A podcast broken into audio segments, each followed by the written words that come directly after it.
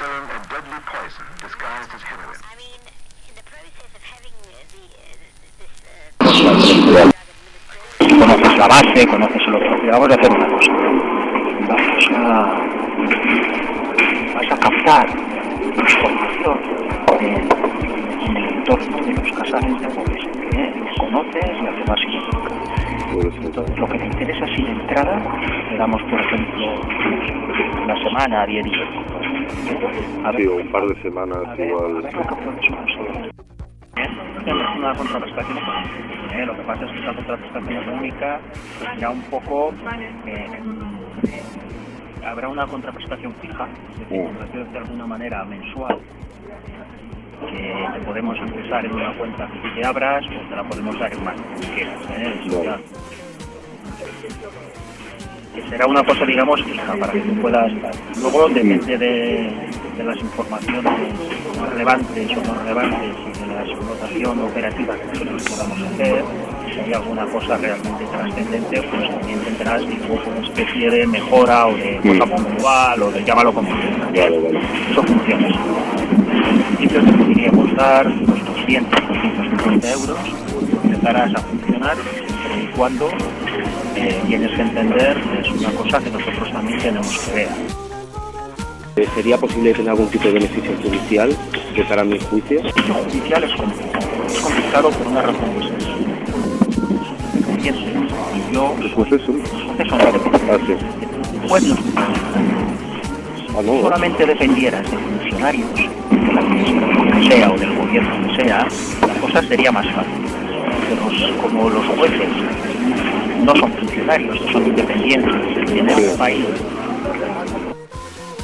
Yo te podría decir ahora, los jueces pasteleamos y tal, eso no está en mi mano, ni en la mía ni en la de ninguno que que. Otra cosa, otra cosa es un fiscal. fiscal es un funcionario Ah, vale, vale. respetos, jerarquizado con sus jefes, que depende del gobierno, en este caso del gobierno de la administración central, el España. Un fiscal sí que se puede hacer, pero a un juez no puedes coger. aparte de poder trabajar bien, con una seguridad absoluta y, y- y con temas fáciles. O sea, no te creas que va a ser. Esto va a ser como en las películas periodísticas, ¿sabes? Que hay unas, unas líneas de trabajo que están completamente protegidas y a ti te servirá. Te servirá porque tendrás un apoyo, lo primero, y lo segundo, un tema de, de contraprestación que te puede servir, pues qué sé yo, irte de vacaciones a algún sitio, yo qué sé, ¿entiendes? Quiero decir que, que entiendo que, que es como una colaboración remunerada, ¿vale? Que eso es interesante. Ya sé que las motivaciones pueden ir por encima de lo material, ¿vale? Malauradament també la segona reflexió és que com tenim memòria, i la memòria és un antídot sempre, i és un múscul, eh, mm, tot apunta a, a que es confirmaria que aquesta persona que surt a la portada de la, de la directa eh, és un inspector de la brigada provincial eh, d'informació del cos nacional de la policia espanyola amb el malnom de Jordi, un vell conegut dels moviments eh, socials, una persona que va estar al capdavant de la repressió als moviments socials alternatius entre el 1996 i el 2009 i que li vam perdre la pista amb la transferència de les competències als Mossos d'Esquadra en l'àmbit de la informació, un agent que té quatre denúncies per tortures, de les quals eh, una va acabar en condemna, no contra ell, però sí contra un dels agents que va rebentar el tímpan a un detingut dels moviments socials, que l'única denúncia que anava a prosperar en tots els seus límits es va veure esbotzada el dia abans de la vista oral perquè aquest agent va trucar a la persona denunciant i li va dir que la vida li aniria millor si no anaven a judici, estava tot a punt per una condemna en ferm i aquesta persona eh, va dir que no podia més i va retirar la denúncia. El grup 6 en aquella època eh, és un cicle on hi ha més de 2.000 detencions en els moviments socials, on els moviments socials i la intel·ligència col·lectiva dels moviments eh, socials i el coratge i determinació de persones com en Quim, que avui tots i aquest país sencer li hauria d'estar eternament eh, agraït, eh, va descobrir vuit infiltrats. No és la primera vegada que es descobreixen agents, en aquest cas, del cos també de la Policia Nacional i de la Guàrdia Civil en el si dels moviments socials alternatius, especialment en l'ocupació, però també en la insumissió anti, antimilitarista. I també... Eh, Pots escoltar 1984 a Ràdio Bronca. 104.5 de la FM dimecres de 9 a 11 i divendres de 7 a 9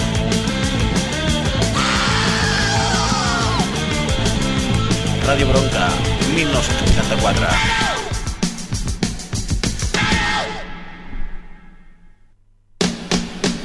I si encara en vols més, escolta'ns a Ràdio 77.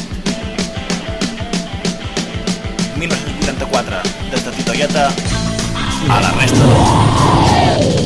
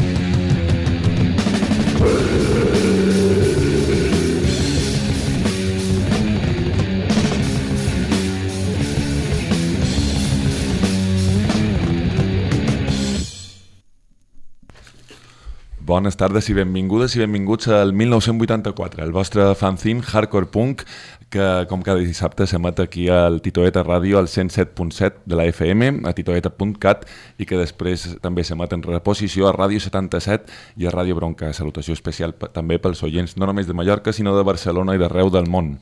Bones, tardes. Bones tardes.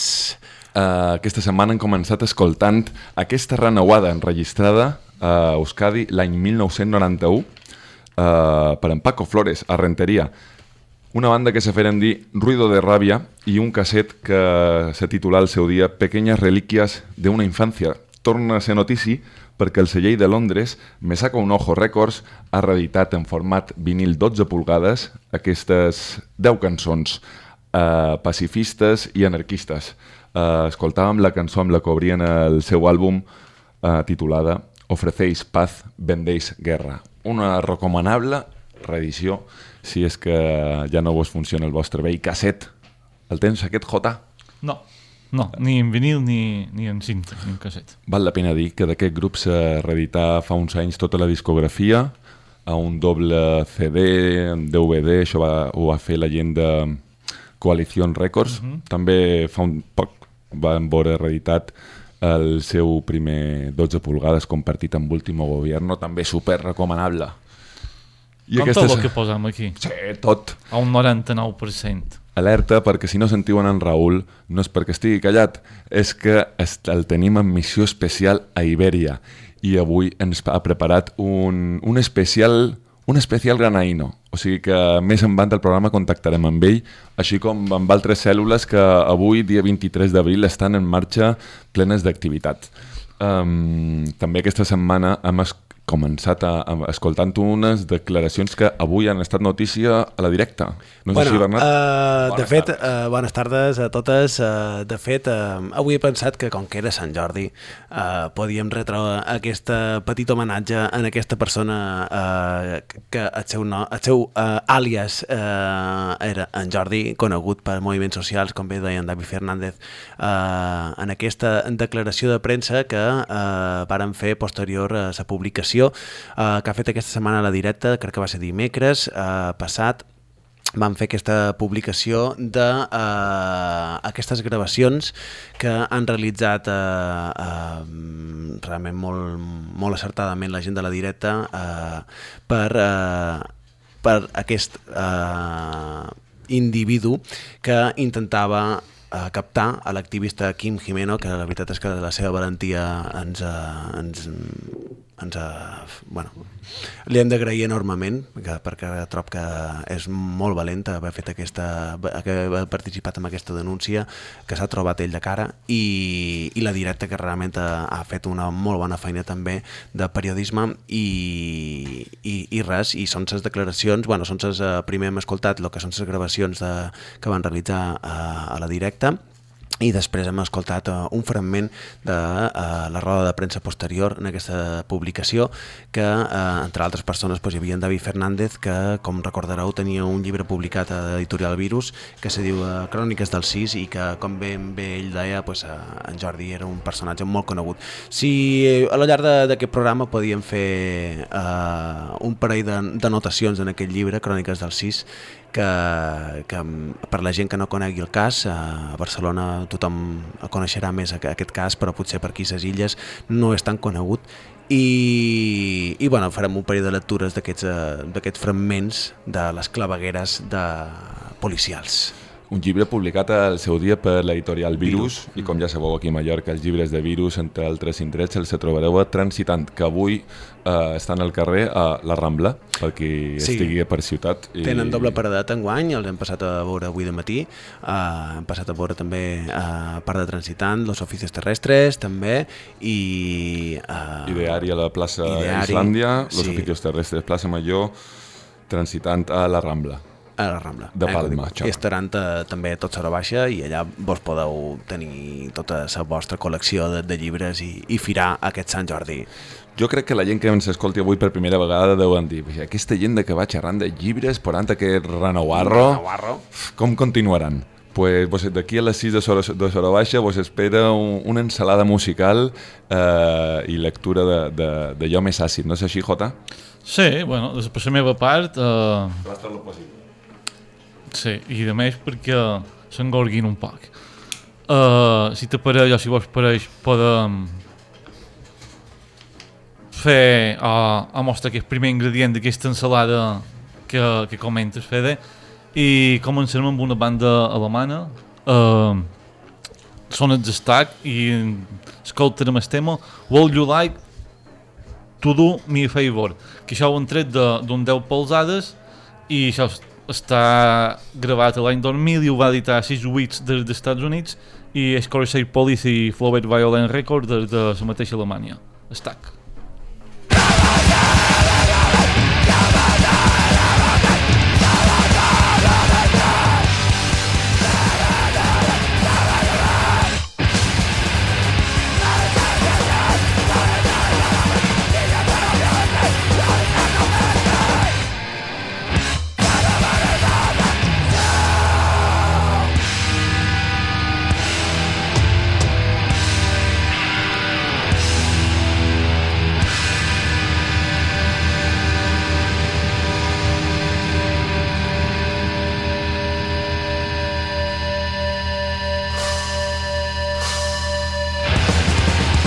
I d'això són els destacs que encara continuen sonant, se mos colaven i poden continuar amb...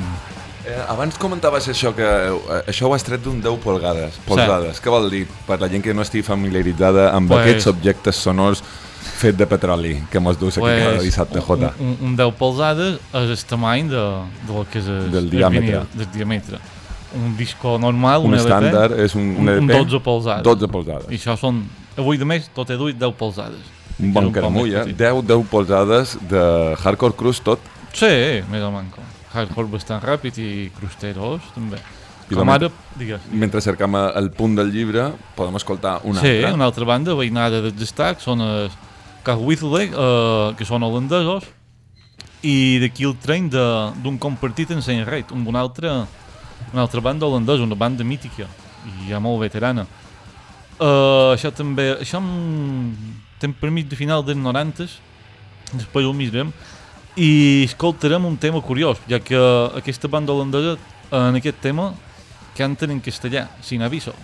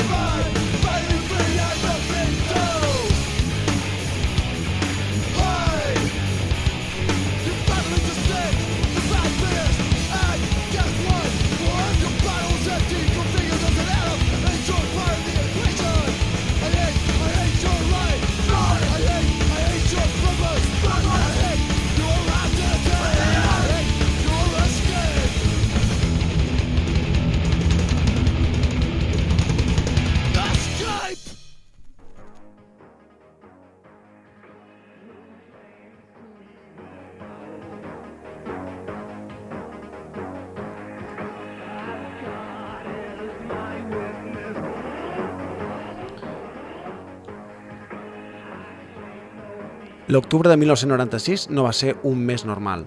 La tardor de l'any passat, tampoc, i com tots els llibres, aquest també té la seva història i motivació.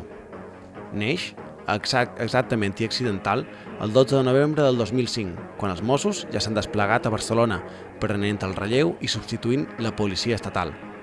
Aquell dia, una manifestació recorre el centre de Barcelona, en suport a quatre nois detinguts a Sants fa un any pel grup 6 de la Brigada Provincial d'Informació del Cuerpo Nacional de Policia. Una petició fiscal desorbitada nascuda dels informes d'aquest grup el sol·licita inicialment 8 anys de presó. Aquella protesta solidària està perimetrada per una àmplia presència de Mossos d'Esquadra, acompanyada d'una munió de secretes tancant la manifestació. Però entre els paisans també hi ha en Jordi, un dels caps del grup 6 de la policia estatal, grup que és el fil conductor d'aquest llibre i les seves cròniques. De sobte es topa amb un activista del moviment Ocupa, que es revolta i li etziva «I tu què hi fas aquí?» En Jordi respon «Potser m'he canviat de bàndol».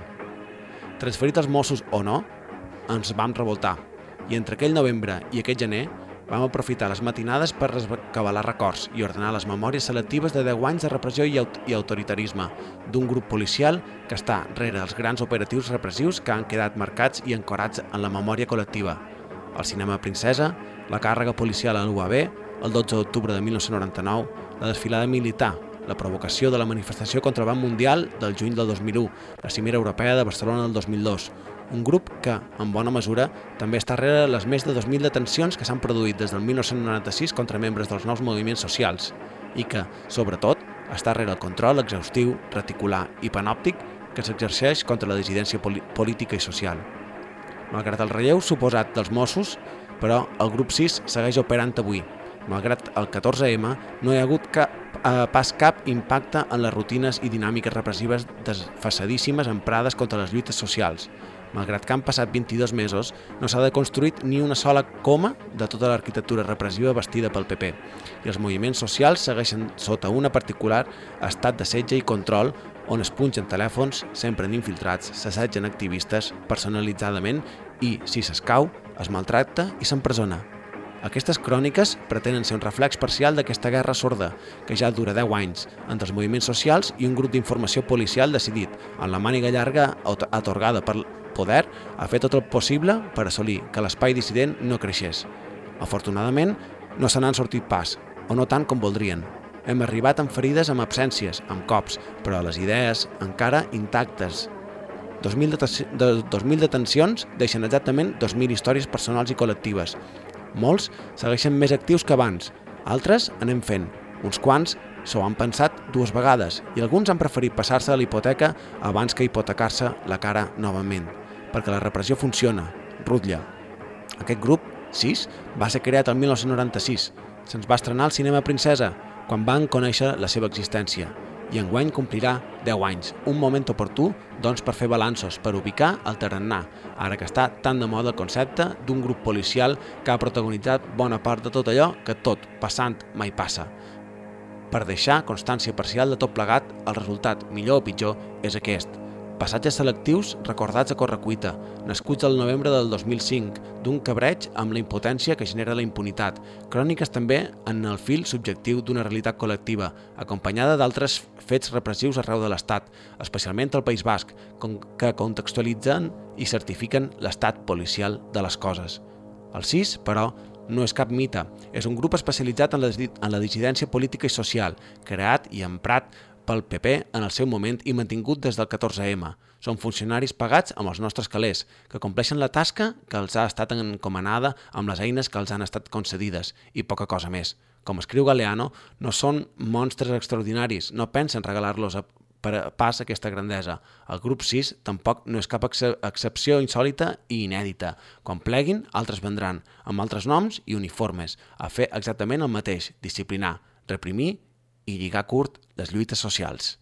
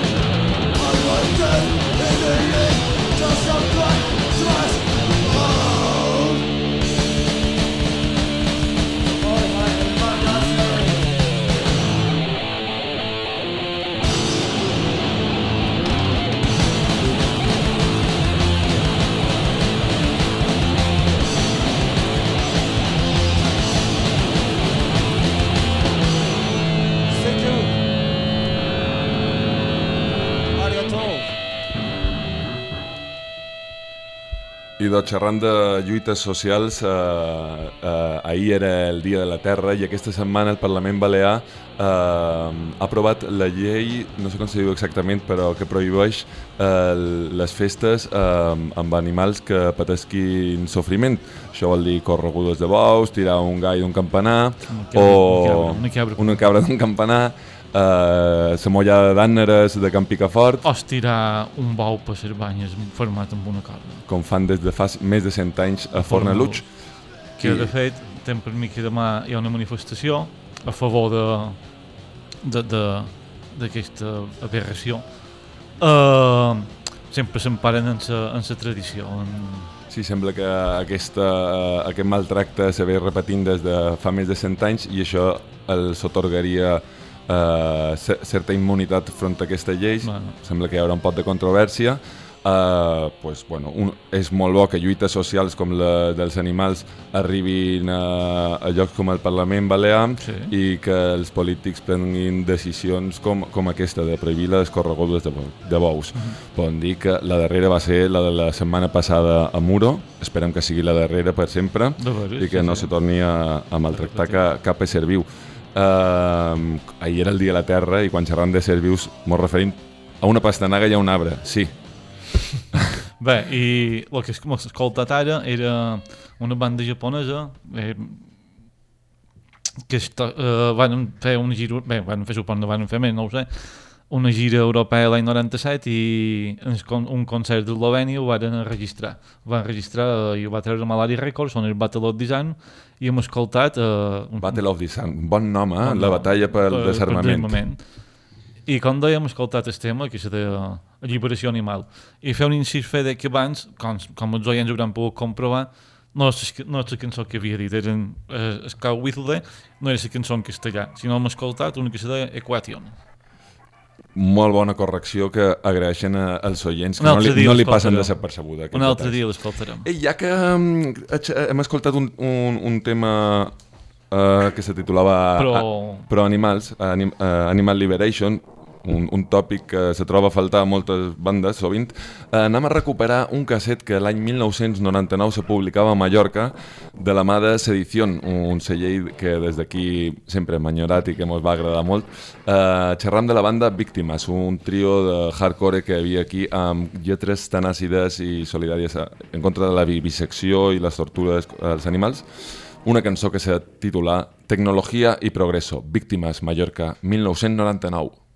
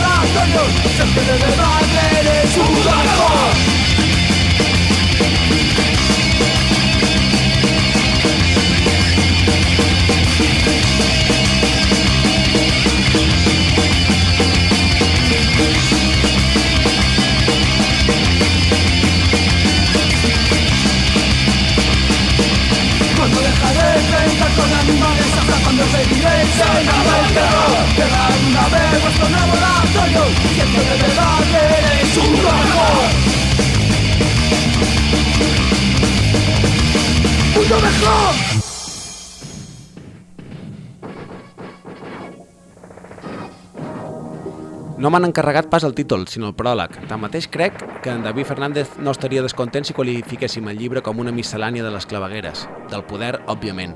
Per una banda, amb aquest text, les sospites que sovint tenim sobre el políticament incorrecte queden confirmades i per l'altra, ens poden ben avergonyir de la democràcia vigilada, adulcorada i en bona mesura fictícia de la qual gau- gaudim. I ens sap greu perquè, pels que tenim una certa edat, la democràcia plena fou el nostre objecte del desig durant molts anys. Les pàgines que venen a continuació ens permeten fer un aprofundit inventari de tot el que es troba sota la catifa de l'elegància política. Poden veure-hi manipulacions informatives, malintencionades, acompanyades d'amenaces contra aquells que volen fer aparèixer algun raig de veritat. Se'ns hi ensenya les tortures policials arreu de l'Estat, denúncies a raó de dues per dia i que queden majoritàriament impunes, tot i que generen un cert, un cert nerviosisme quan les denuncia el relator especial de les Nacions Unides per la qüestió de la tortura, invitat d'una manera ben curiosa pel govern del Partit Popular. Aprenem que la policia secreta ja no porta gabardina i porra dins d'un diari, sinó que ells llueixen cabells llargs i elles, abans gairebé no hi eren, porten piercings. Ens assabentem que el racisme és explícit i implícit, que té molt a veure amb l'arbitrarietat de les detencions. Constatem també que les presons es van omplint dels més febles. Recordem que la guerra bruta, que no es va voler esbrinar mai gaire, bé, tenia el nom de Gal. I en síntesis ens adonem que es persegueixen ocupes, pacifistes, anarquistes, altermundistes i tots aquells que dissenteixen de les diferents formes d'injustícia, mentre que s'estén una comprensiva capa protectora envers els especuladors immobiliaris immobiliaris, els traficants de drogues al nivell, els evasors fiscals i els explotadors sense escrúpols. Podríem dir, en resum, que les cròniques ens mostren la cruesa de la raó d'estat, que no és més que la raó dels més rics i poderosos al servei dels quals es troben els exèrcits, les policies i les seguretats privades, amb l'afegit de saber que de mica en mica aquests cossos prenen dimensió internacional i ens mostren noves versions que s'anomenen Europol i Euroexèrcit, que venen a ampliar les ja conegudes OTAN, xarxa Gladio i grup de Trevi. Tot això amanit amb secrets, vols de la CIA, tortures fora de zona, camps clandestins de presoners, foses comuns que acaben donant carta de naturalesa de la globalització del delicte d'estat. També veiem com en algunes ocasions, sovint tard i malament, la justícia allibera sense càrrecs els presumptes delinqüents i, en resum, demostra que cal sempre vigilar el vigilant. Però també hi ha un altre aspecte tenebrós que podem i cal esmentar. Es tracta del creixement exponencial de, del, del control social, fet amb tota mena d'artilugis, punxades telefòniques, càmeres fotogràfiques, fitxes personals, captacions per satèl·lit, recerques informàtiques, etc. La majoria de les vegades posades en pràctica de manera absolutament il·legal. El llibre no ofereix una gaire, eh, no ofereix una gairebé exhaustiva relació que ha de servir per alterar eh, per alertar els ciutadans que estem pagant un preu molt alt al de la nostra privacitat i de la nostra llibertat, en canvi a canvi d'una seguretat que no augmenta gens ni mica, sinó que més aviat ens fa més vulnerables als xantatges del poder que deriva de la informació que tenen de nosaltres. I ves per on, una de les grans justificacions de totes aquestes il·legalitats, vexacions, tortures i fins i tot crims resulta a ser el terrorisme. Terrorisme, sens dubte, n'hi ha, i tal com molt bé va assenyalar Le Monde, un antic alt responsable dels serveis secrets francesos, en la majoria dels casos es tracta de terrorisme d'estat, i sense negar que n'hi hagi altres menes que clarament hi són, no deixa de ser curiós el tipus d'informació que, els pro, que els portaveus oficials ens donen sobre determinats casos. A tots ens vindrà a la memòria el daltabaix als aeroports en Londres, suspensió de vols, registres exhaustius, impossibilitat de dur equipatges de mà, caos circulatori, etc. L'agost del 2006, arran del presumpte complot eh, de 24 ciutadans britànics d'origen pakistanís eh, disposats, segons ens deia, a col·locar unes desconegudes bombes líquides en avions que sortissin en direcció als Estats Units. Resulta que, poques setmanes més tard, 13 dels esmentats ciutadans són posats en llibertat sense càrrecs i sota els altres 11 encara no hi, havia, no hi ha acusacions fermes ni rastres de cap voluntat d'atemptar. L'objectiu no sembla més que el d'espantar l'opinió pública per tal que accepti un major control social i alhora aprofitar l'ocasió per fer pujar la popularitat d'algun polític en hores baixes. Sense cap mena de dubte i enfront d'aquest panorama, l'oasi català no existeix com s'encarrega molt bé de demostrar-nos en David en el seu llibre i en el detallat llistat d'actuacions del grup dels sis, que ben llegides hauria d'augmentar l'insomni dels lectors. Es miri com es miri, es pensi com es pensi, un estat de dret no pot tenir assalariats d'aquesta mena, i si els té, ja és raó suficient, malgrat que segurament no pas l'única per deixar de ser-ho. El llibre de cròniques és, per tant, fruit d'una important implicació personal i col·lectiva, resultat d'un pacient treball de recerca i de compromís i, malgrat el que algú li pugui semblar, també de pacificació. El seguiment de la veritat i la seva exposició no, no és, en el fons, altra cosa que el servei a la causa de la justícia.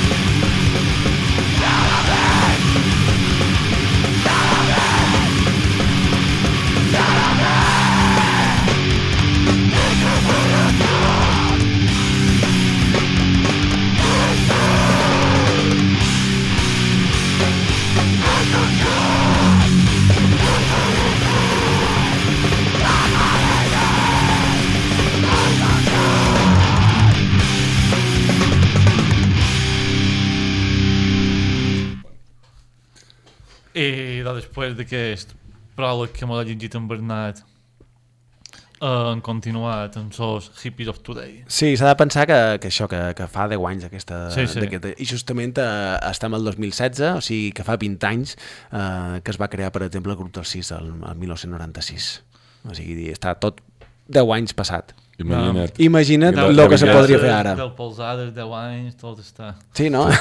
Tot està lligat. Tot està quadrat. Hi ha un plan maquiavèlico de qualque cosa. 1984 és aquí. Sí, Or Orwell no és que tingués raó, és que se va quedar curt. Se va Sí, quedar jo. molt curt. Bueno, i Hippies de- of Today, d'on sortia aquest grup? De Que- França, de França. I també això- li agradava planxar els discos amb aquest curiós format. Sí, bueno, en, el que tenc jo, que és aquest 10 polsades, sí. Uh, això se va treure el 2001. Uh, tem per mi són els mateixos, uh, dit. Uh, Destructure per Revolution. I el tema que escoltàvem era Cesium 137. I seguirem añadint, añadint, afegint Això és radioactiu, no? El, Sí. el Cesium 137?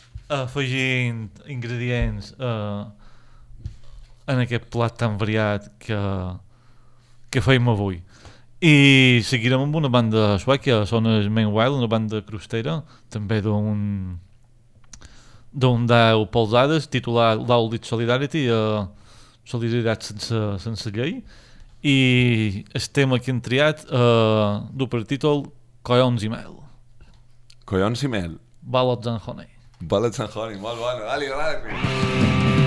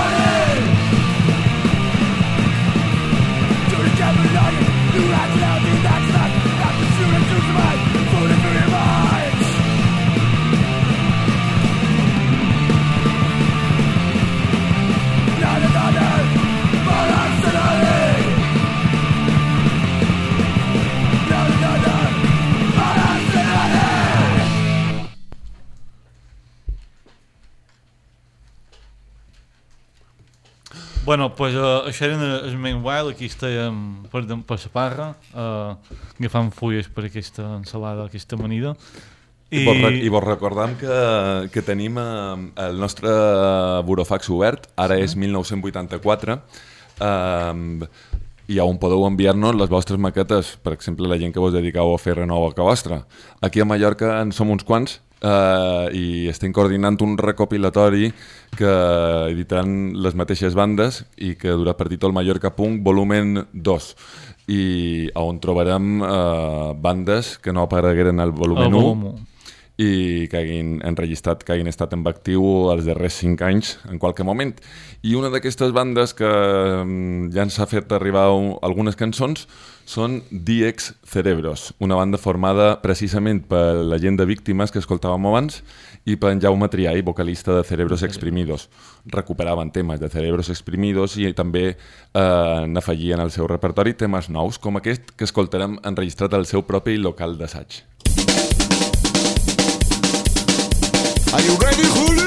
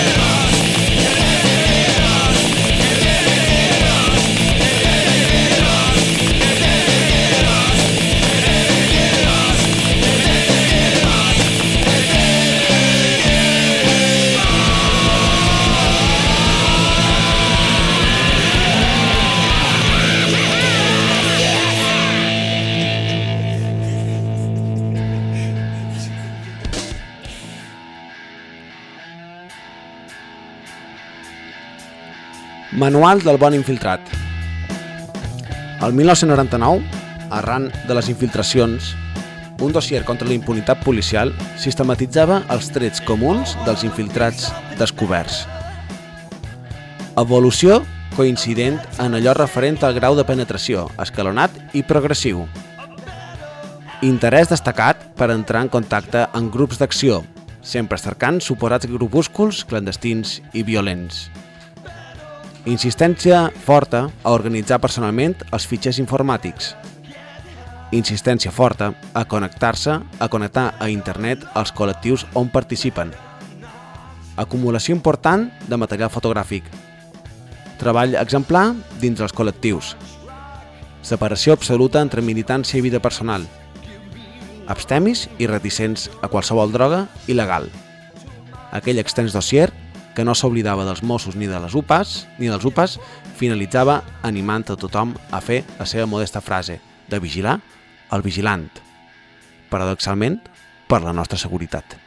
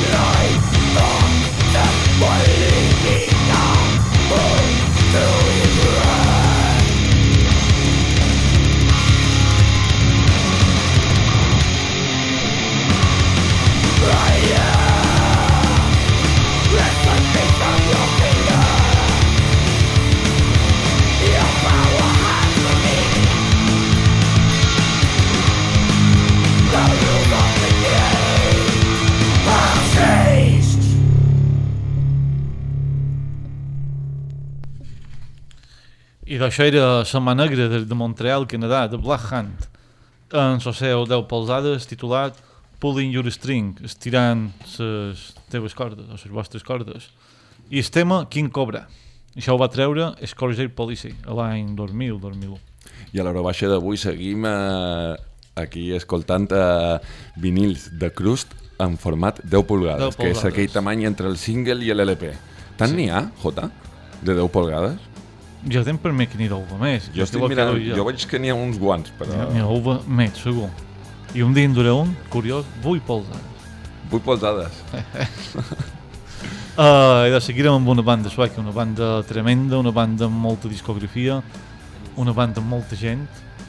Són sis, i mateix són els, els un Curvet, i amb aquest 10 polzades titulat Choice for Freedom, cor, coros per la llibertat. Me penso alguna així.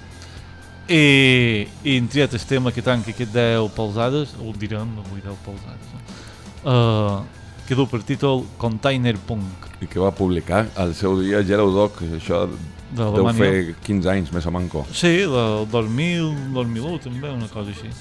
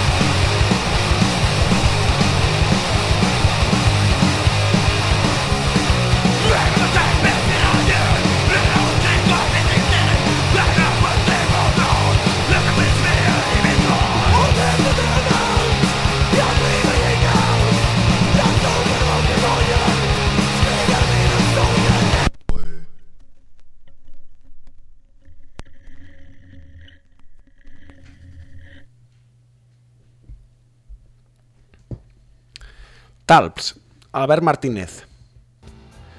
Talp del CECIT i número 1 de la seva promoció, el policia disfressat d'insubmís al moviment antimilitarista català, el perillós enemic públic número 1 de l'estat espanyol, com és sabut.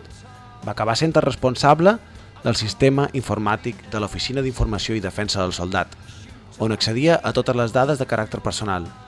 Martínez també va arribar a viatjar a Charri Aranz per vestir el sistema informàtic de l'IDS de Navarra, on entra en contacte amb el moviment antimilitarista d'Irunya, capital de la insumissió. El 1994 es vincula a la LCR amb la que participa en un campament de la Quarta Internacional Trotskista. Va ser allà on és descobert, quan uns antics eh, companys d'escola revelen la seva professió. Aquell juliol de 1995, Albert Martínez desapareix de Barcelona. El redactor de la guia antimili reapareixerà, però, de seguida a València, per infiltrar-se als Grapo.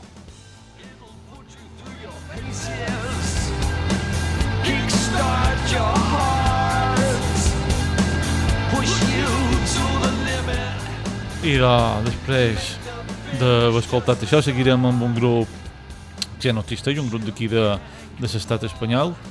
Uh, són els Zero Beach, que aquest del polgades, polzades és com un cop Make My Day, uh, primer va estar tret en, en vinil i això va ser una reedició que van treure en... Perdó, va estar, primer va estar tret en, en CD i van fer una reedició en vinil de 10 polzades i el tema que escoltarem se diu You Wanna Be So Punk Punch Records des de Madrid, eh? des de Madrid. Aerobic. You ain't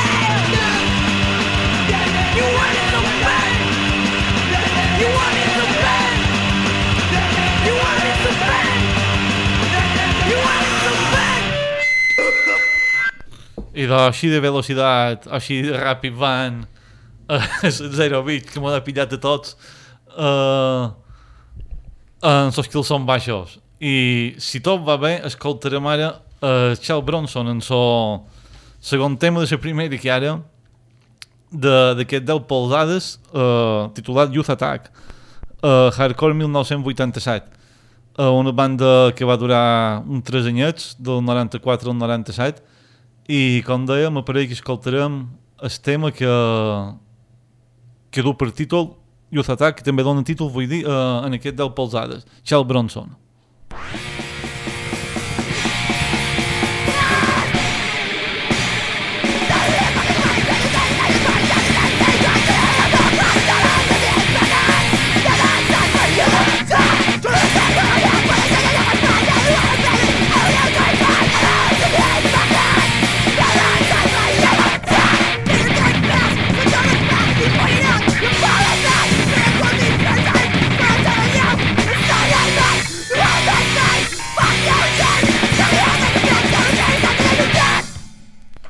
I d'això era la velocitat de, de Charles Bronson. Uh, I aquí fa una metralleta, perquè imagino vos deixar amb una metralleta. La massacre que, que hi hauria. I de massacres, xerrant de massacres, m'on anem a, a Brasil, que darrerament hem anat bastant a escoltar el Ratos de Palau, que també tenen un 10 polzades titulat Guerra Civil Caníbal. I això aquí està editat per, per Beat Generation de, de Monster Records, aquest segell també d'aquí de l'estat uh, miqueta a Madrid. I escoltarem el tema que, que obri uh, aquesta gravació. Se diu Obesidad mordi, mor, Mórbida Constitucional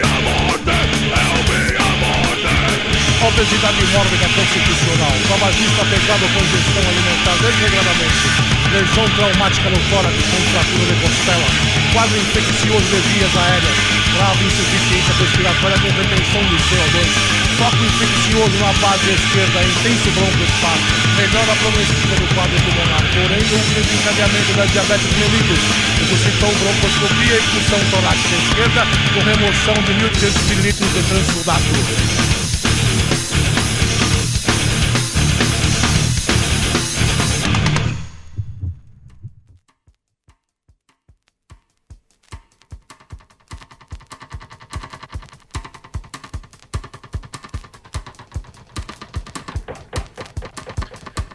Talps de festa.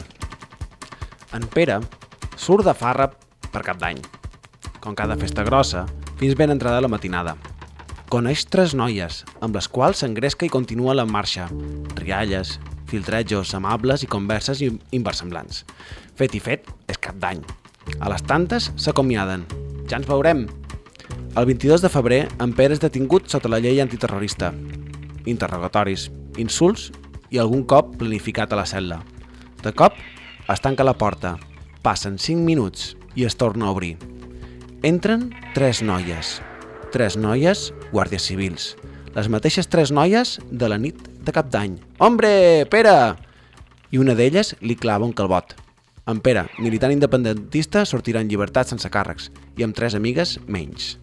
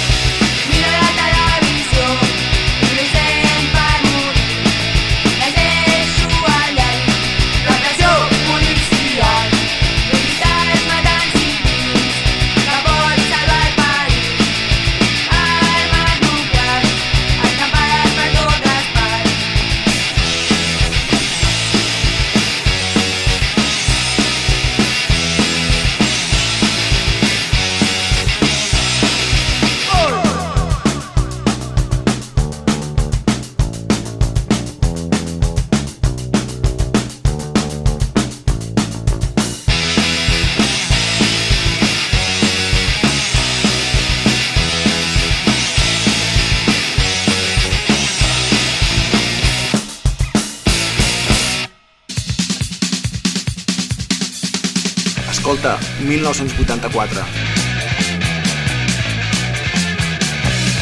Un programa de ràdio on hi trobaràs tot el que rovelli els fonaments d'aquest sistema injust i corrupte. Des dels sons més corrosius a les veus més àcides. 1984, el teu programa. hem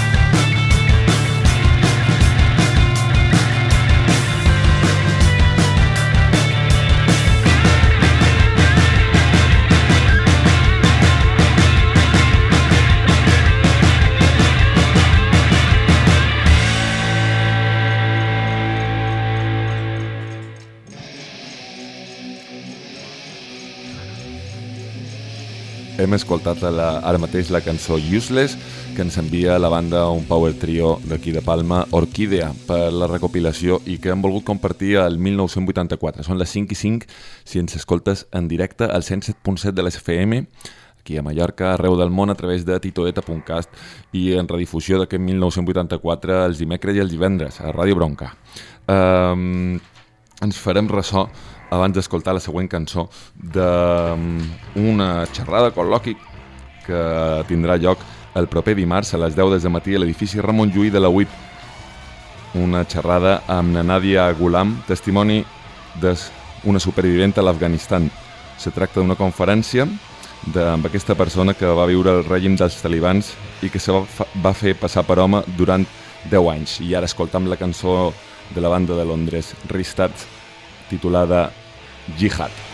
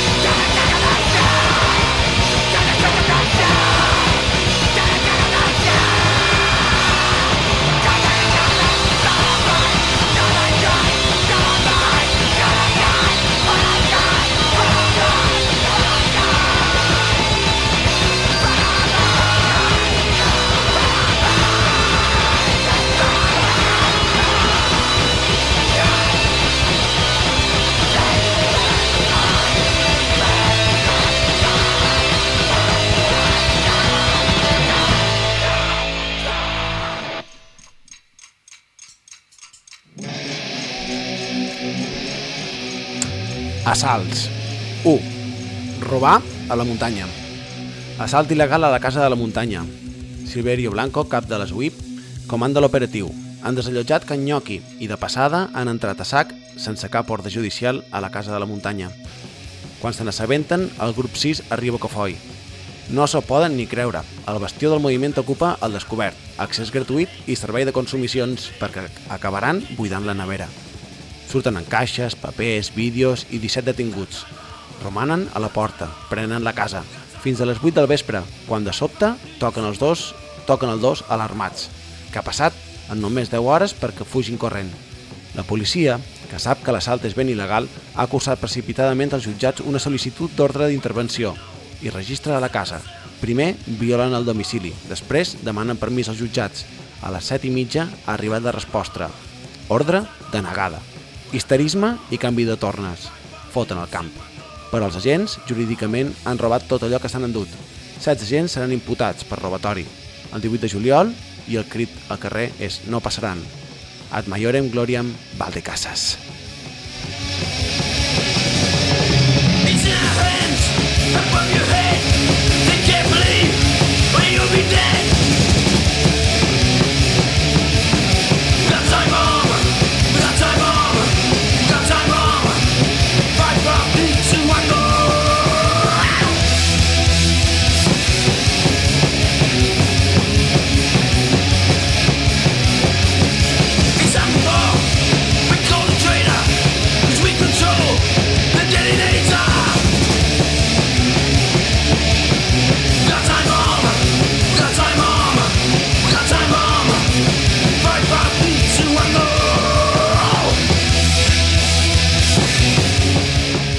Assalts.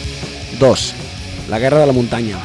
A la resistència a l'assalt, un jove ha perdut un ull per una pilota de goma, llançada a curta distància. La còrnia rebentada. Estem amb la premsa mentre es creuen barricades a la travessera de dalt i el carrer Escorial. Passa un bus turístic farcit de turistes passejant pel parc temàtic Barcelona.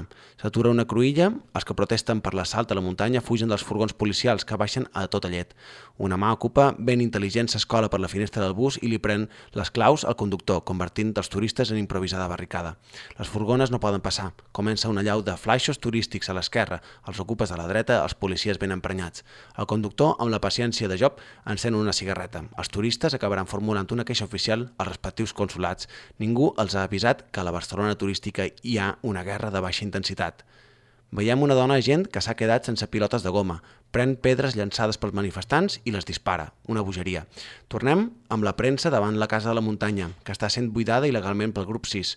Quan arriba la notícia del company ferit, li comentem al fotògraf del Mundo que entristeix la cara amb un joder, que dura mil anys. El policia que ens vigila, sense embuts, diu que se joda, esto es una guerra. Desigual i injusta, pensem tots dos, com totes les guerres. I know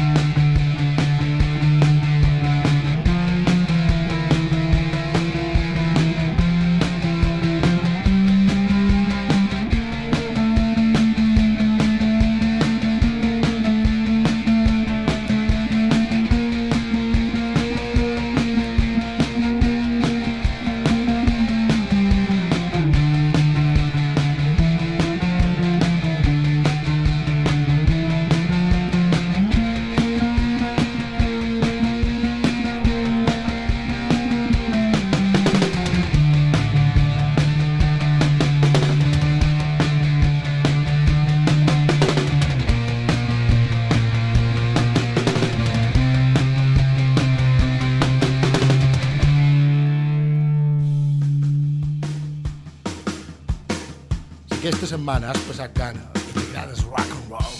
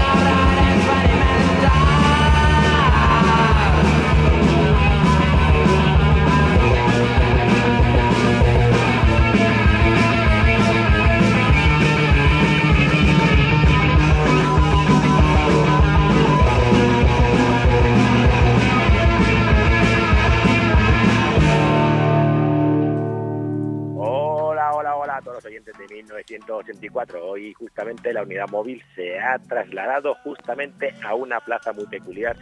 Bones tardes, Raúl. Primer de todo. Muy, buena tarde, muy buena tarde. Por eso eh, que estaba yo ahora aquí introduciéndome desde una plaza muy simbólica para toda la gente amantes del punk rock, eh, tanto nacional como internacional. Estoy aquí en la plaza, bueno, mejor en la placeta Joe Stramer de Granada. Me he ido. Y, y- y, a ver, explícanos quién era Joe Stramer ese, para la gente que no lo sepa. Bueno, pues Joe Stramer fue el cantante líder de la banda The Clash. Seguramente que más de uno sabrá de quién ah, estoy, estoy hablando. Y yo creo Y que más de estoy- dos también, ¿eh? Dime. Y más de dos también, que lo sabrán. Sí, sí, sí, sí.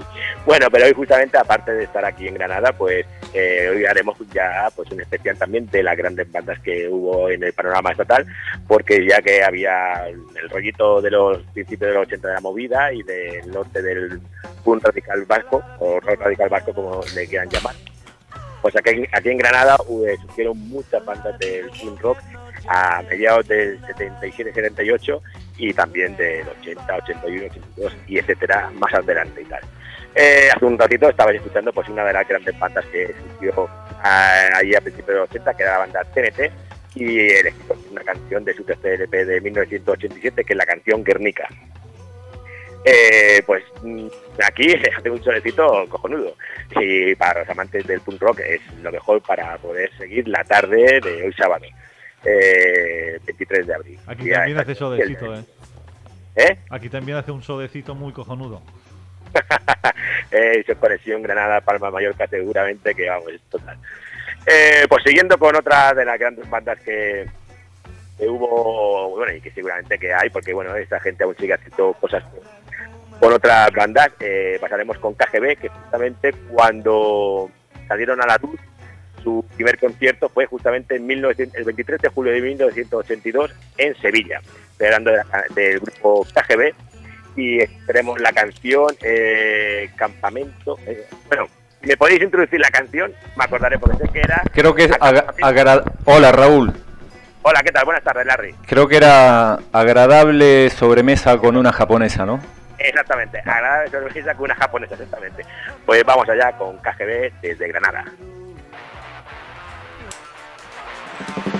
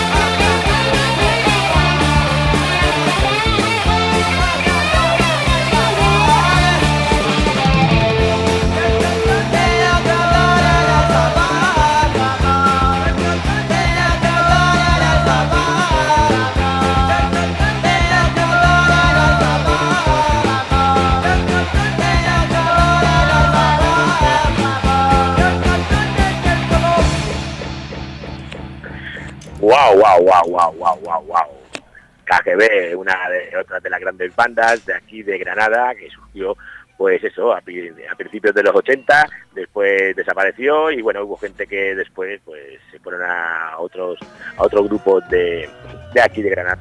Como por ejemplo Los Planetas, su batería Eric, creo que estuvo eh, entre otras muchas bandas en Los Planetas. Aplaudida banda de los 90 de pop. Sí, sí, bueno, y que seguirá haciendo y justamente eh, pues junto con otras bandas hace poco eh, sacaron el año pasado, me parece, sí, el año pasado, un tributo a, a Enrique Morente, que era un, un clave referente, un cantante clave referente de aquí de Granada, Pero vamos, te perdemos, aquí- Raúl, te perdemos por momentos. La tierra. Dime. Te perdemos un poco la conexión por momentos, pero vuélvelo a, a repetir. Desde la tierra de Federico García Lorca, la URSS y Enrique Morente. Y Enrique bueno, pues eso, que eh, hubo muchos grupos que el año pasado hicieron un pequeño tributo a ese gran cantante que fue Enrique Morente, aunque no fuera del palo del rock and roll, pero bueno, él mismo le gustaba el rock and roll, aunque hiciera eh, pues cante y flamenco, eh, muy característico porque lo, fusionaba con, con otros tipos de estilos eh, musicales. Bueno, pasando a otra de las grandes bandas que también surgió al principio de los 80, que fue de 1980 hasta 1990, es, como no, hablando de 091. Eh, justamente este año pues se han vuelto a juntar, aunque se ve que les ha costado porque la gente lo pedía a, gritos y tal, y al final pues han decidido reunirse y hacer unos cuantos conciertos en diferentes festivales. Eh, pues esa gran banda eh, granadina pues tuvo también una gran referencia en el punk rock nacional en, esa- época.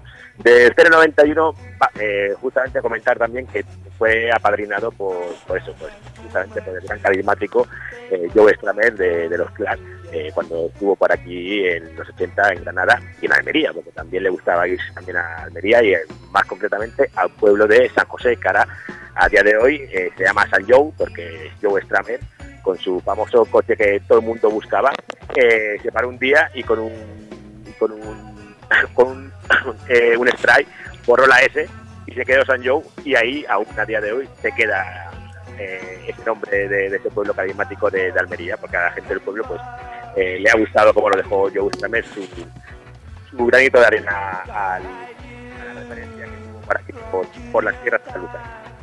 Pues vamos a escuchar de 091 eh, la canción Cementerio, Cementerio de Automóviles de su primer LP.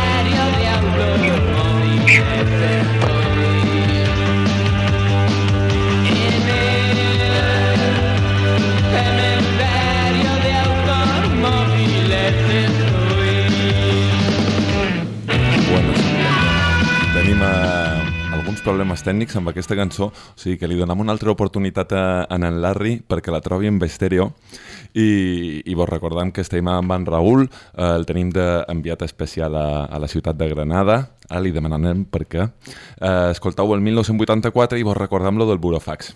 Eh, ens agradaria conèixer les vostres convocatòries per poder-nos fer ressò eh, al final del programa. I algunes de les convocatòries que ja ens van entrant són com el concert que se prepara pel 14 de maig a Palma amb la banda canadenca Zex. Eh, també aquest mateix dia actuaran Guerra, Desenterrades i un nou projecte nascut a l'hipòdromo Son Pardo, que se fa dir Pantalla, amb Zex, el 14 de maig. Apuntau a la vostra agenda de color vermell. I ara sí, anem a provar de seguir escoltant a 091 amb aquesta mateixa cançó, amb estèreo. Un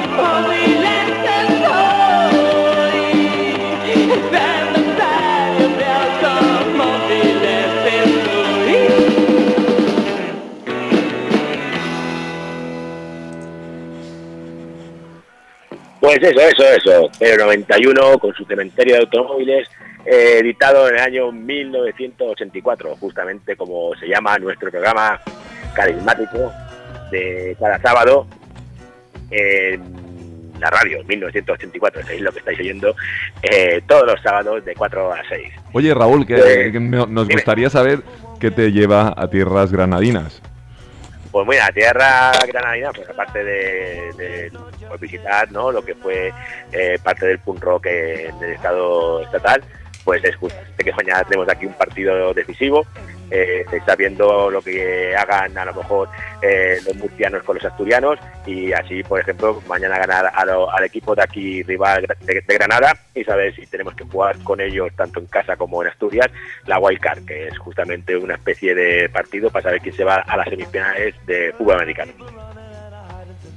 Pues Eh, mucha suerte te deseamos desde aquí a los Bolsos, ¿eh, Raúl? Ya lo sabes. Uf, Exactamente, muchas gracias. También comentar que eh, aquí, eh, cuando estaba también el 91, había pues, diferentes grupos, tanto de punk como de and roll, eran eh, Johnny Roll y los Traviesos, los Pedos, los Revueltos, SOS, allí, bueno, infinidad de bandas que después con el tiempo eh, llegó la, bueno, hasta Miguel Ríos, que en sus años 70 era el, el cantante carismático de aquí, de, la tierra de Granada.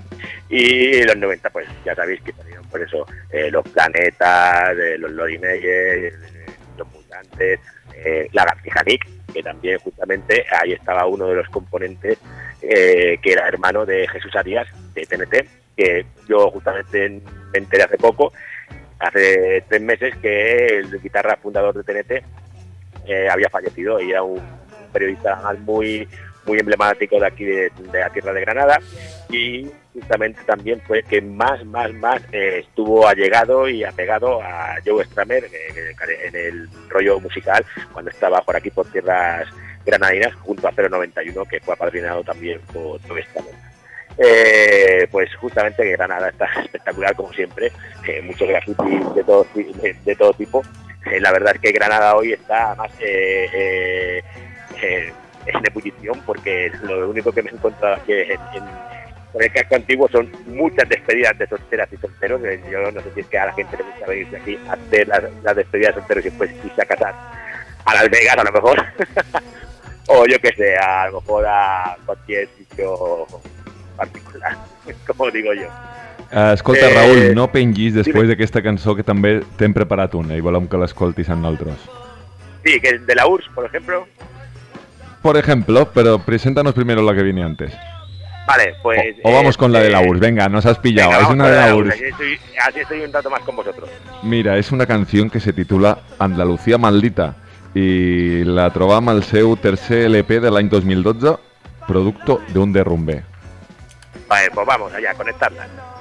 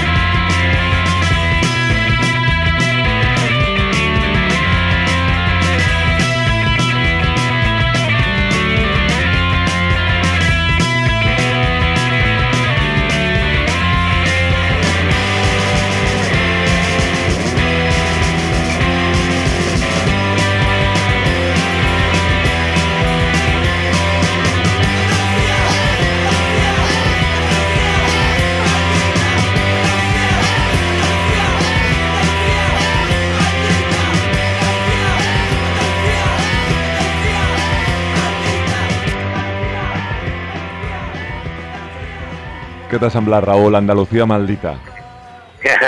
siempre en su línea la UZ. La verdad es que es un grupo que cuando lo descubrí hace eso, hace tres o cuatro años, eh, la verdad es que me mola mucho su rollo que tienen así, pues de punk rock de los 80 y la verdad es que tienen que tirar para adelante hasta que el cuerpo aguante, como digo yo siempre. Pues des de Mallorca Maldita eh, retom te retornant la connexió perquè ens presentis aquesta darrera cançó en directe des de la plaça Joe Stramer a Granada. Eh, pues sí, eh, justamente me quería despedir, pues eso, eh, aparte de comentar que gracias a, a los a los a los vínculos que tenían en las bandas de aquí de Granada con, con Inglaterra o con las Islas Británicas, pues eh, cogieron mucho mucho eh, empuje las bandas de aquí para hacer pues grande, gran, gran música de punk rock y hasta también de rock and roll, de, cualquier esti- estilo y tal. Y me quería despedir, pues como no, desde aquí, desde la plaza de Joe Stramer, pues justamente con los Clash y una canción pues que justamente ellos eh, interpretaron con mucho carisma y con mucho y con mucho empuje, que es el Spanish Bond de su LP London Calling, que claro, a día de hoy también se hace un festival en, San José, en Almería, con el nombre de, Joe Stramer, se llama San Joe, eh, el Festival San Joe eh, Punk Rock.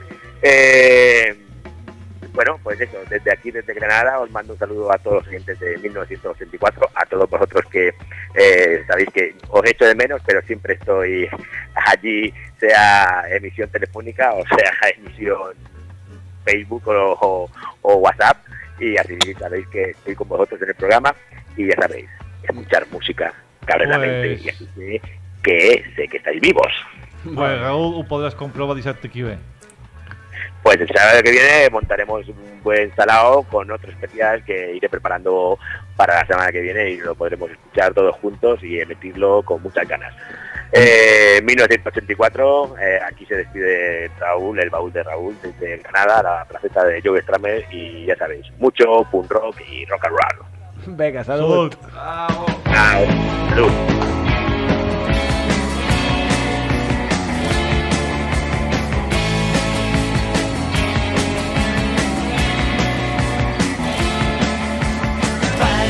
Songs in Andalusia. The shooting sides in the days of 39. Oh, please leave the vendana open. Federico Lorca, dead and gone. Bullet holes in the cemetery wall. The black car, the guardian of the beer. Spanish bombs on the Costa Rica. I'm dying in on a DC-10 tonight. Spanish bombs, yo te quiero infinito. Yo quiero, oh my corazón. Bombs, yo te quiero infinito. Yo oh my corazón. Spanish weeks in my disco casino. The freedom fighters died up on the hill. They sang the red flag. They wore the black one after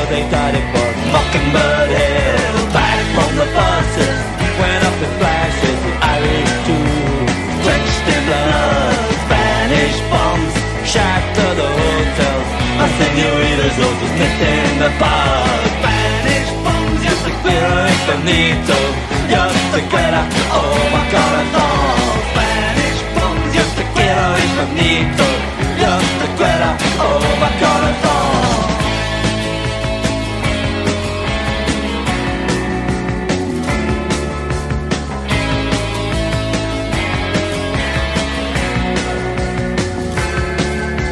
hillsides ring with days of 39 Trenches full of bullets Ragged army Fixing bayonets To fight the other line. Spanish bombs Rock the province I'm hearing music From another time. Spanish bombs Cause the problem I'm flying in on a DC-10 tonight. Spanish bombs Yo te quiero infinito Yo te quiero, oh my corazón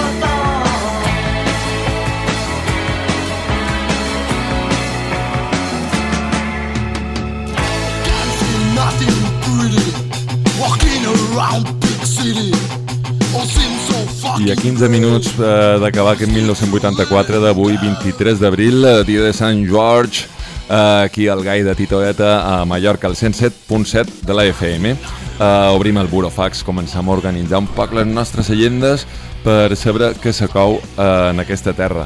I tenim algunes convocatòries més formals i algunes de més informals que alguns dels oients ens fan arribar, com na Misha de Desenterrades, a qui molt de vo- vosaltres ja coneixereu per participar al teclat d'aquesta banda del Lotes de Ciutat. I ens conta, és un burofax especialment dirigit als oients del Gaida. Ens diu, estic mirant d'organitzar un concert amb dos grups de Barcelona pel 28 de maig, eh, un diumenge a la tarda o així, i m'agradaria que fos al Gaida. Es diuen Boile Hakes i Pizza Ninja Squad. Eh, I els hi he dit que toquin altres grups com els Desenterrades, on jo participo, el Chirri Kebab. Si qualcú eh, s'anima a ajudar-me a muntar aquest concert al Gaida, un bon diumenge, el dia 28 de maig, que contacti en jo, per favor.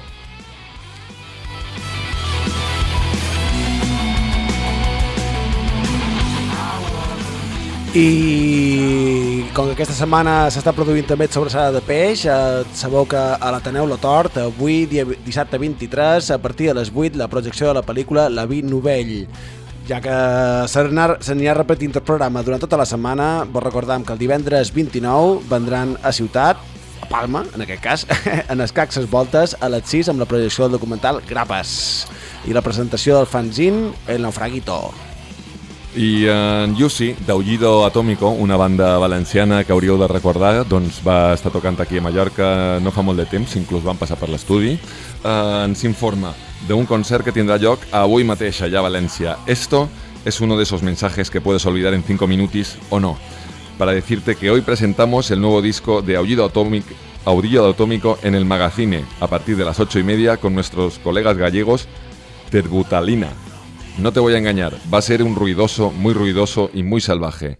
Hace más de cinco meses que nos metimos a grabar esto y hoy lo queremos celebrar en casa. Vente ya, pues si ens escoltes des de València, perds el temps si no hi vas en aquest concert d'Aullido Atómico. I, bueno, i aquesta setmana és que ve supercarregada, recordant-vos, eh, com vàrem recordar ja la setmana passada amb aquesta entrevista via telefònica, que és la setmana de les visibilitats lèsbiques, del 26 al 30 d'abril. Eh, començarà dimarts 26 a les 7 a los oficios terrestres, ja ho sabeu, Avinguda Joan Miró 62, eh, amb Laura Corcuera i Xava Guerra. Laura Corcuera també eh, fent una performance. El dimecres 27 a les 7, eh, Dona Sana, a carrer de Baix, Barrera de Baix. I el divendres 29, eh, Espai Jove a Ciutat Antiga, de les 4 i mitja a les 9. Eh, consultau los oficios terrestres i consultau la, el cartell perquè està ben carregat de propostes eh, per arribar el dissabte a la manifestació dia, a les 7 de Visibles i Orgulloses, de Plaça Espanya al Casal de Can Alonso. No vos ho perdeu perquè hi ha un fotimer d'activitats que acabaran a les 12, o bueno, acabarà a llargues hores del dissabte. Amb música en directe, si no record malament. Música en directe, sí, sí. De fet serà de dos al carrer Pablo Iglesias. I també, bueno, durant el matí també estaran també a, a fent cosetes. Uh, I una altra convocatòria que ens arriba és la clàssica del primer de maig que enguany, per caure un diumenge, no se convertirà en més festiu per a aquelles persones que, sobretot aquí a Mallorca, fan feina al sector de l'hoteleria. Doncs aquí comença la temporada de vent de pla. Uh, aquest diumenge a les 11 i mitja de matí ha convocada per part de CGT i CNT a Palma uh, una manifestació unitària a partir de les 11 i mitja a partir de la des de la plaça Islàndia fins als jardins de Sort de Rei. I l'eslògan d'enguany 2016 és Fars d'aguantar, és l'hora de lluitar. Contra, Contra la reforma laboral, encara vigent. Contra la, la corrupció política i sindical. Per la recuperació de les llibertats públiques i dels drets socials, contra l'Europa racista i del, capital. A més, el 28 d'abril comencen les jornades anarcosindicalistes al local sindical de la CNT a Ciutat al carrer Joan Alcover, ja ho sabeu. Serà a les 8 de, de Soro Baixa y se proyectarán documentales del calibre Una red para organizar la solidaridad, un documental de la RSP. Uh, Cuando las gotas se hacen lluvia, de l'any 2015. El divendres dia 29, al mateix lloc, a partir de la mateixa hora, una xerrada de debat a fals autònom, una pràctica empresarial a l'ordre del dia. Um, I bueno, el mateix dia 1 de maig, a banda de la manifestació, a ses voltes uh, hi haurà, a banda de Paella, un míting. A partir de les 4 i mitja hora baixa, música en directe a càrrec de Saxofòbia Funk Project, Kingston Club, Guadanya, Purplehead i DJ Martí Calimocho. Hi haurà activitats infantils a càrrec de Red Naranja de Apoyo Solidario. Uh, L'1 de maig, ja ho sabeu. I és que el maig ve carregadíssim perquè eh, també tenim la primavera llibertària. No us podeu perdre eh, tots els events que s'ha- s'han que s'han s'han ficat eh, en aquesta primavera llibertària. I és que comença dies, divendres dia 6 de maig a les 5 i mitja de la plaça del Tub amb una taula rodona eh, amb espais autogestionats a ciutat, una introducció a l'anarquisme per Dolors Marín, un concert de secta, rap i amoníaco, punxadiscos. El dissabte 7 de maig al Jardí de Picur hi haurà jornada de feina, dinar i taller Hort Ecològic a Cateva. A partir de les 7 a la factoria de so Polígon de Sant Lleut, Santa Maria, tenim el Sol i Festa, volumen 3. Divendres 13, a Transitant, experiències de lluites estudiantils, Bolònia i 3 més 2, Educació i Coneixement Lliure, Escola Lliure Nona i Universitat Lliure de Mallorca, i el dissabte 14 de maig a la plaça de Porta Pintada, context i situació de la, de la revolució kurda, la lluita de les dones al Kurdistan, a càrrec de Rojava Azadi. I, bueno, i, i 20 de maig i, i bé, i seguim i, i mos trobam ja directament el 21 que també eh, se passarà un documental però que a més també és 21 estaran eh, muntant un concert a, a la possessió per eh, recollir dobbers per als anarquistes que estan re, eh, apoyant i donant menjar a tota aquesta gent necessitada que ara mateix està creuant mig Atlàntic per eh, refugiar-se de les bombes comprades a Occident també. Hem comentat que aquest divendres 29 a Factoria de So hi hauria l'esdeveniment Artist in Action, Fiesta Solidària, amb Riot Cats, De Cráneo, Guerra, 45 RPM i una carretada de DJs, pues, si no ho han dit, eh, val la pena que t'ho apuntis. El proper divendres. I bueno... I més coses, Eh, vinga, ostres, ja. vinga, a darrere, ja vas a darrere. Uh, avui vos recomanam uh, que vos passeu pel Teatre Xes Fortesa de Palma, doncs el nostre bé conegut uh, Biel Alemanya, Biel Font, juntament amb The Folsom Rockers, la seva banda, presenten el seu nou àlbum titulat When We Were Friends. Uh, això és a partir de les 8 de Sora Baixa, rock and roll, uh, música americana, uh, com la que escoltau a continuació. Agafa aire perquè ve ben carregat això.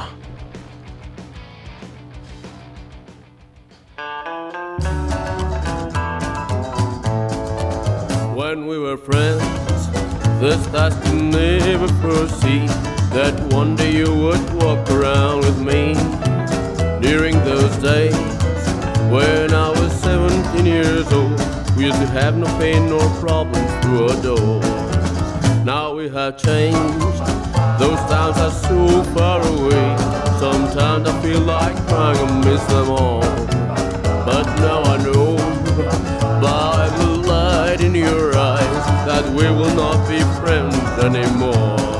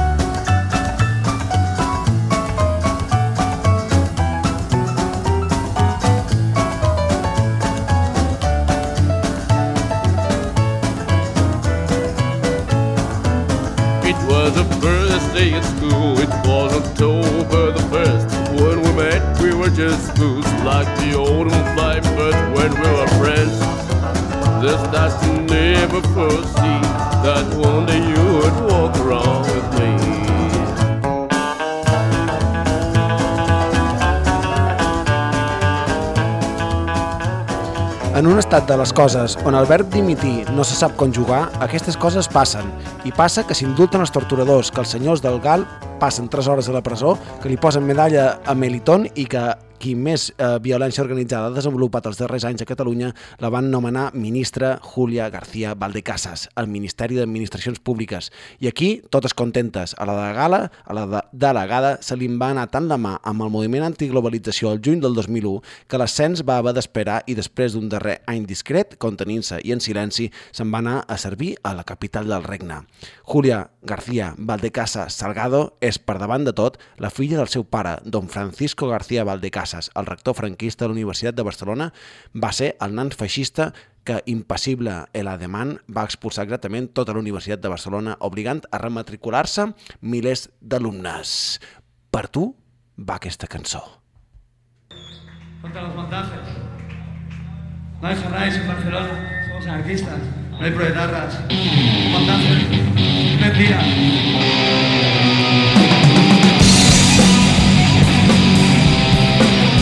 historia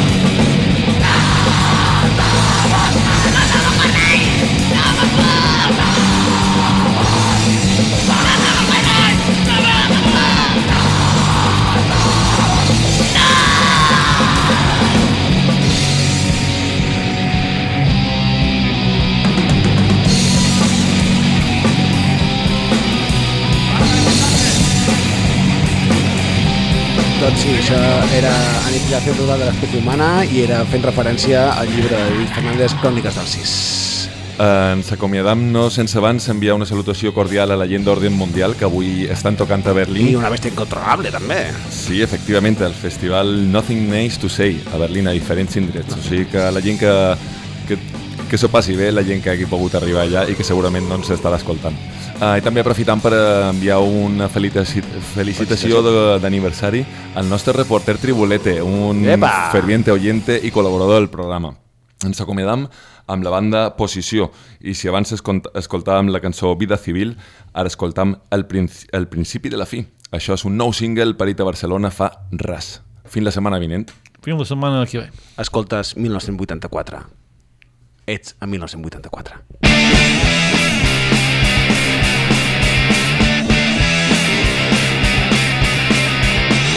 El somni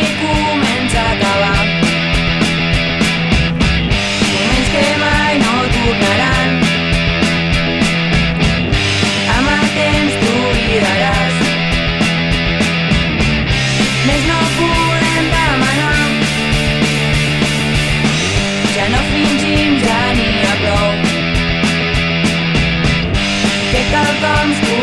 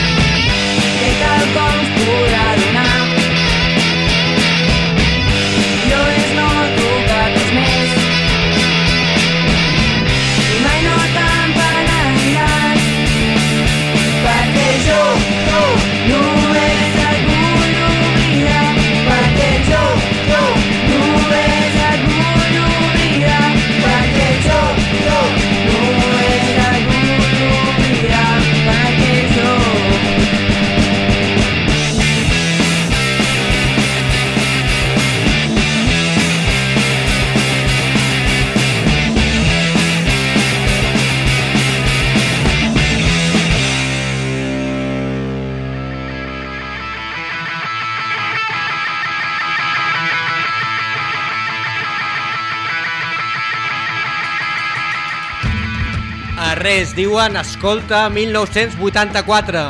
A Titoieta Ràdio, 107.7. I a Ràdio Bronca 104.5.